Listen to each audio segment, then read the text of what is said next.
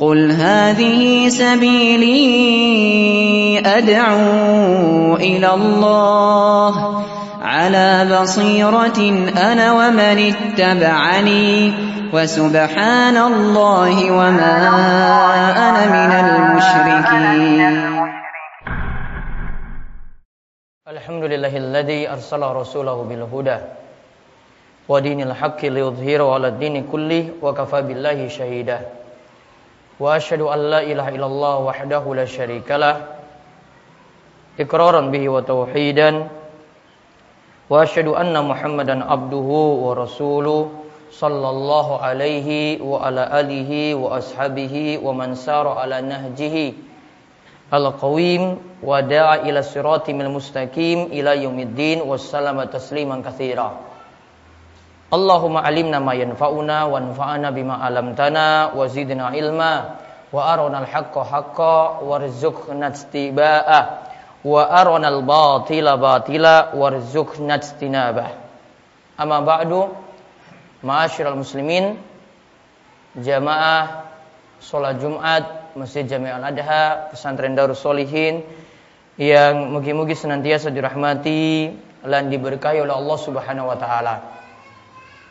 Kita bersyukur atas nikmat dan karunia yang telah Allah anugerahkan kepada kita sekalian. Begitu banyak nikmat yang tidak bisa kita hitung satu persatu dari nikmat yang ada. Tugas kita adalah terus bersyukur, mensyukuri nikmat Allah Subhanahu wa taala dan bentuk syukur kita sebagaimana dikatakan oleh seorang ulama yang dikenal zuhud yaitu Abu Hazim beliau katakan engkau tahan anggota badanmu dari maksiat dan engkau gunakan dalam ketaatan pada Allah Subhanahu wa taala. Engkau tahan anggota badanmu dari maksiat dan terus taat pada Allah Subhanahu wa taala. Itulah hakikat syukur yang sejati. Syukur inilah yang nanti kita buktikan dengan memperbaiki ketakwaan kita pada Allah Subhanahu wa taala sebagaimana Allah memerintahkan untuk bertakwa kepadanya dalam surat Ali Imran ayat 102 Ya ayyuhalladzina amanu taqullaha haqqa tuqatih wa la tamutunna illa wa antum muslimun. Wahai orang yang beriman, bertakwalah kalian kepada Allah dengan sebenar-benarnya takwa. Dan janganlah kalian itu mati kecuali dalam keadaan menjadi seorang muslim. Kemudian salawat dan salam semoga tercurah kepada Nabi akhir zaman yang telah mendapatkan mujizat yang besar yaitu Al-Quran dan menjadi pembuka pintu surga pertama kali nantinya di hari kiamat yaitu Nabi besar kita Muhammad sallallahu alaihi wasallam. Juga kepada keluarga kepada para sahabat kepada setiap orang yang mengikuti salaf tersebut dengan baik hingga akhir zaman. Dan ingatlah kata Nabi sallallahu alaihi wasallam dalam hadis Tauban radhiyallahu anhu beliau bersabda, "Wa innahu sayakunu fi ummati salasuna kadzabuna kulluhum yaz'umu annahu nabi wa ana khatamun nabiyyin la nabiyya ba'di." Kata Nabi sallallahu alaihi wasallam, Sesungguhnya akan ada pada umatku 30 orang pendusta yang mengaku sebagai nabi. Padahal akulah penutup para nabi. Tidak ada nabi lagi sesudahku. Tidak ada nabi lagi sesudahku. Hadis ini diriwayatkan oleh Abu Daud, oleh Imam Muslim dan Syekh Albani mengatakan bahwasanya hadis ini adalah hadis yang sahih. Kaum muslimin jamaah salat Jumat yang moga senantiasa mendapatkan limpahan kebaikan dari Allah Subhanahu wa taala. Allah taala mengingatkan kita agar tidak mengikuti atau menuruti hawa nafsu kita. Seperti yang pernah diingatkan pada Nabi Daud alaihissalam sebagai berikut dalam surah Sad ayat 26. Ya Daud inna ja'alnaka khalifatan fil ard fahkum bainan nasi bil haqq wa la tattabi'il hawa fayudillaka an sabilillah innal ladzina yadilluna an sabilillah lahum adzabun syadidum bima nasu yaumal hisab Allah berfirman wahai Daud Sesungguhnya kami menjadikan engkau khalifah, penguasa di muka bumi. Maka berilah keputusan perkara di antara manusia dengan cara yang adil. Dan janganlah kamu mengikuti, menuruti hawa nafsumu sendiri karena hawa nafsu tadi dapat menyesatkan kamu dari jalan Allah. Sesungguhnya orang-orang yang sesat dari jalan Allah akan mendapat azab yang pedih karena mereka melupakan hari perhitungan yaitu hari kiamat. Dalam ayat yang lainnya juga Allah Subhanahu wa taala ingatkan falidzalika fad'u wastaqim kama umirta wa la tattabi ahwaahum.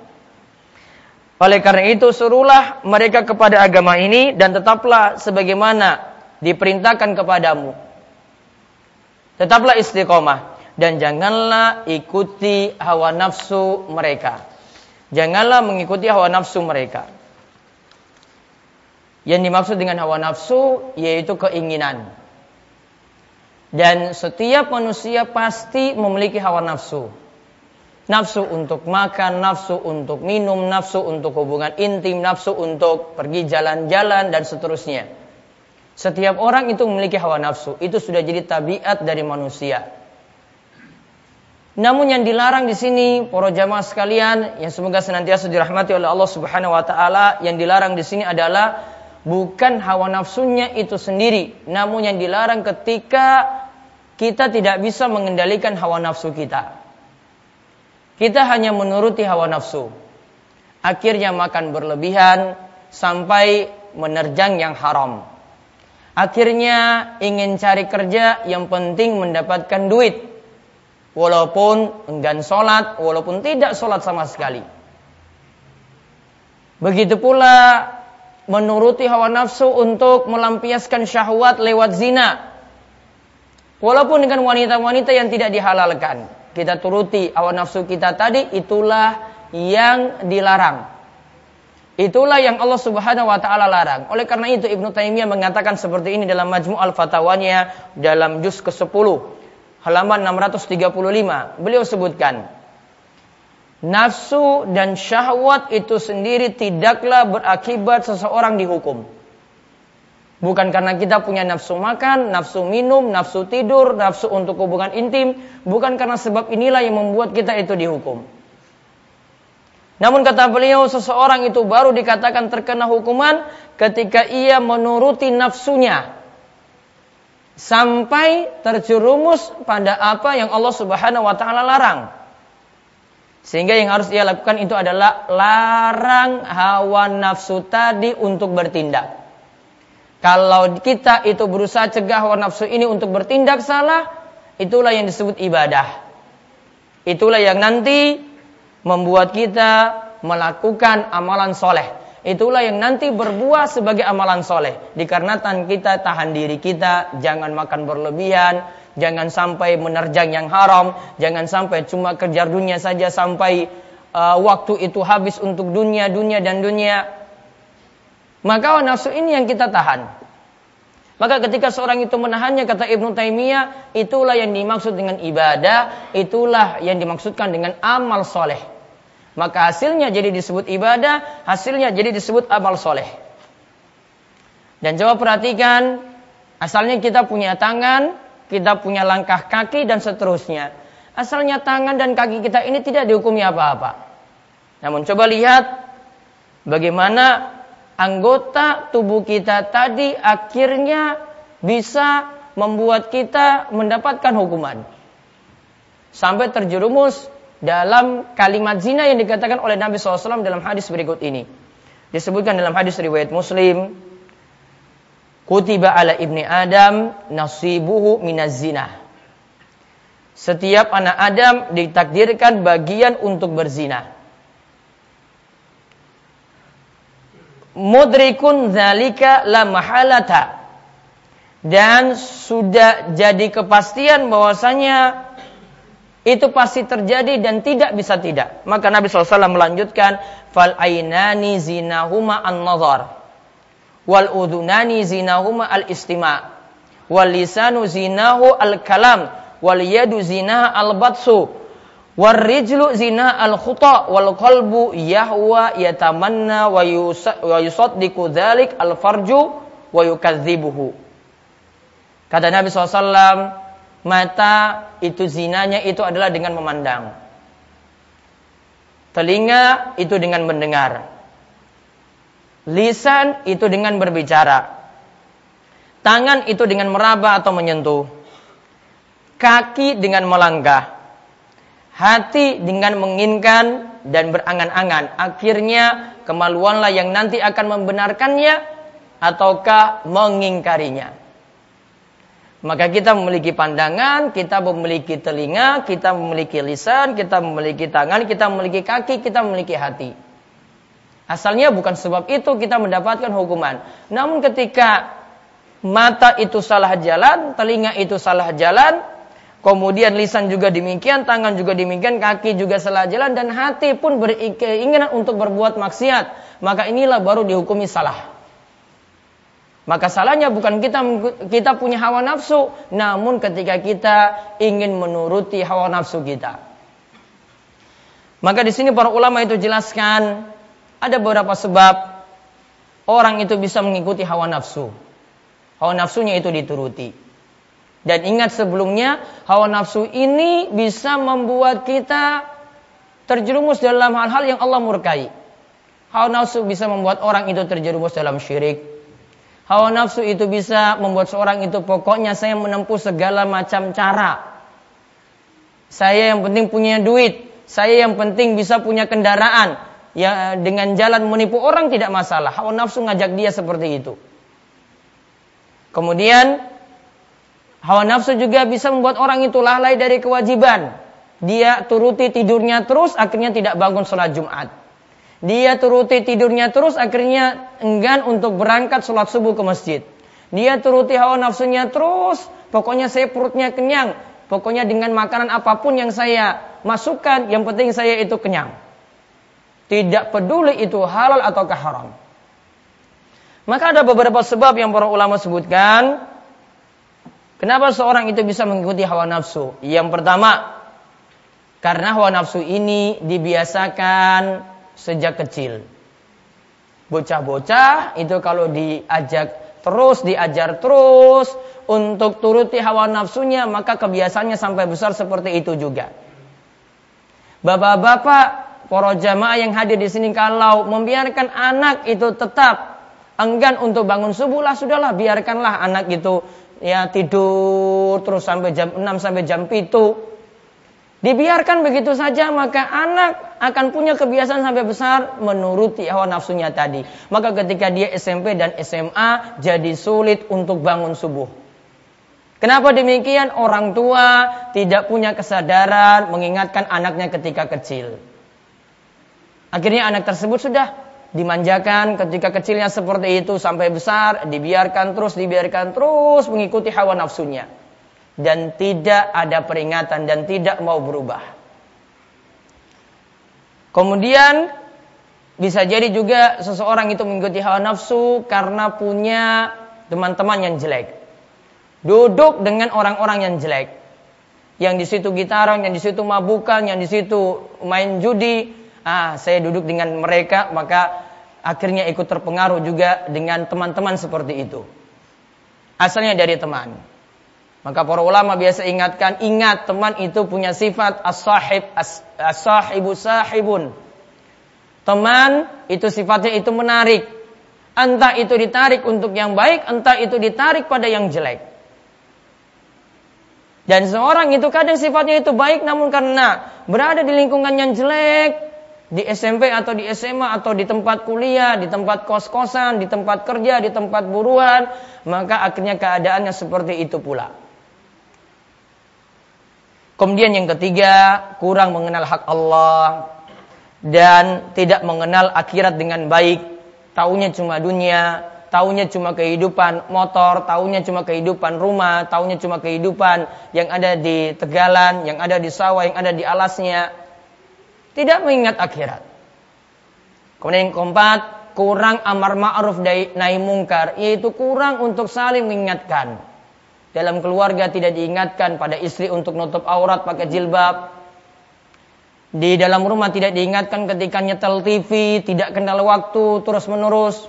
Dalam rumah tidak diingatkan ketika anaknya itu main hal-hal yang tidak ada manfaat sampai tengah malam, tidak mengenal waktu sama sekali. Pokoknya dibiarkan begitu saja.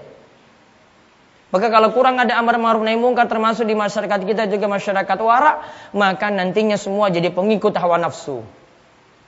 Juga bisa jadi karena cinta dunia dan condong pada dunia. Juga kata para ulama yang lainnya adalah tidak mengetahui bahaya ketika seorang itu mengikuti hawa nafsu. Cuma nurut terus dengan hawa nafsunya. Padahal bahayanya begitu besar. Wallahu alam. Ini yang disampaikan dalam khutbah pertama ini. Mungkin-mungkin kita menjadi orang-orang yang dapat menghindari sebab-sebab yang ada tadi. Sehingga kita mengedepankan cinta pada Allah. Dan dijauhkan dari sifat menuruti hawa nafsu kita di dalam maksiat. Aku lu qawli hadha. Wastaghfirullah li wa.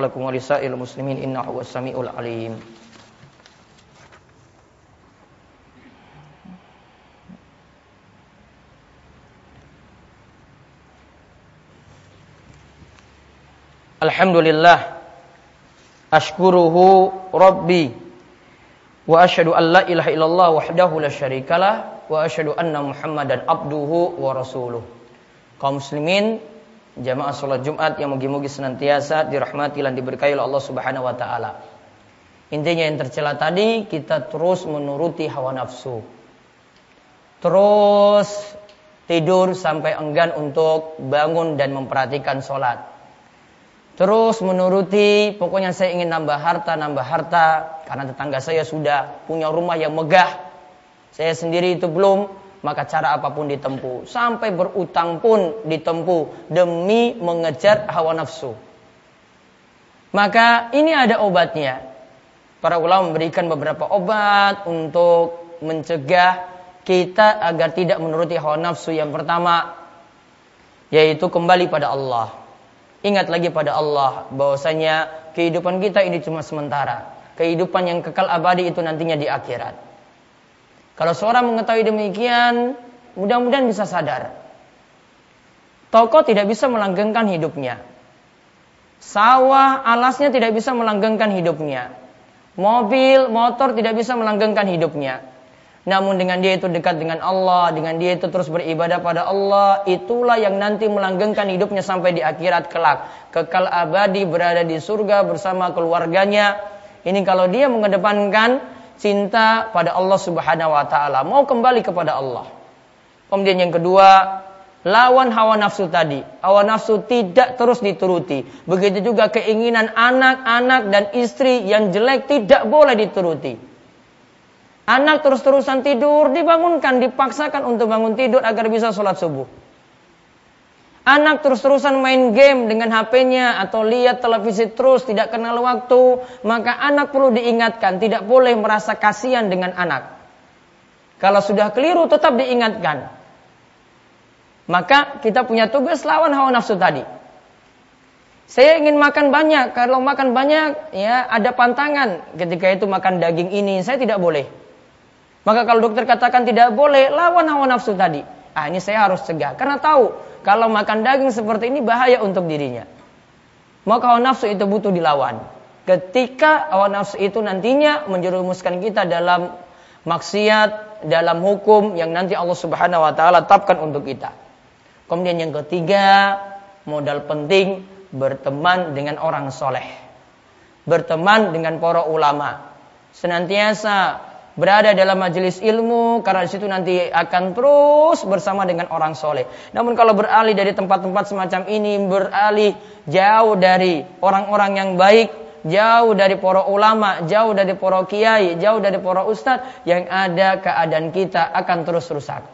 Maka kita mohon pada Allah Subhanahu wa taala mudah-mudahan kita dijauhkan dari sifat mengikuti hawa nafsu yang membawa kita pada kesesatan dan kerugian di dunia dan akhirat dan Allah membimbing kita terus istiqomah untuk mengendalikan hawa nafsu kita melawan hawa nafsu kita yang jelek dan mudah-mudahan kita senantiasa diberikan akhir hidup yang baik mati dalam keadaan husnul khatimah. Di hari Jumat yang penuh berkah ini uh, di di hari yang penuh berkah marilah kita juga memperbanyak selawat pada Nabi Shallallahu Alaihi Wasallam. Siapa yang berselawat kepada beliau sekali, maka akan dibalas selawatnya sebanyak 10 kali. Dan ingat di waktu berkah ini pula doa-doa kita akan diijabai dan mudah-mudahan Allah memperkenankan doa kita di hari Jumat yang penuh bahagia ini. Inna Allah malaikatahu yusalluna ala nabi ya ayyuhalladzina amanu sallu alaihi wa sallimu taslima. Allahumma salli ala Muhammad wa ala ali Muhammad kama sallaita ala Ibrahim wa ala ali Ibrahim innaka Hamidun Majid. Allahumma barik ala Muhammad wa ala ali Muhammad kama barakta ala Ibrahim wa ala ali Ibrahim innaka Hamidun Majid. Allahumma ighfir lil muslimina wal muslimat wal mu'minina wal mu'minat al ahya'i minhum wal amwat innaka sami'un qaribun mujibud da'wah.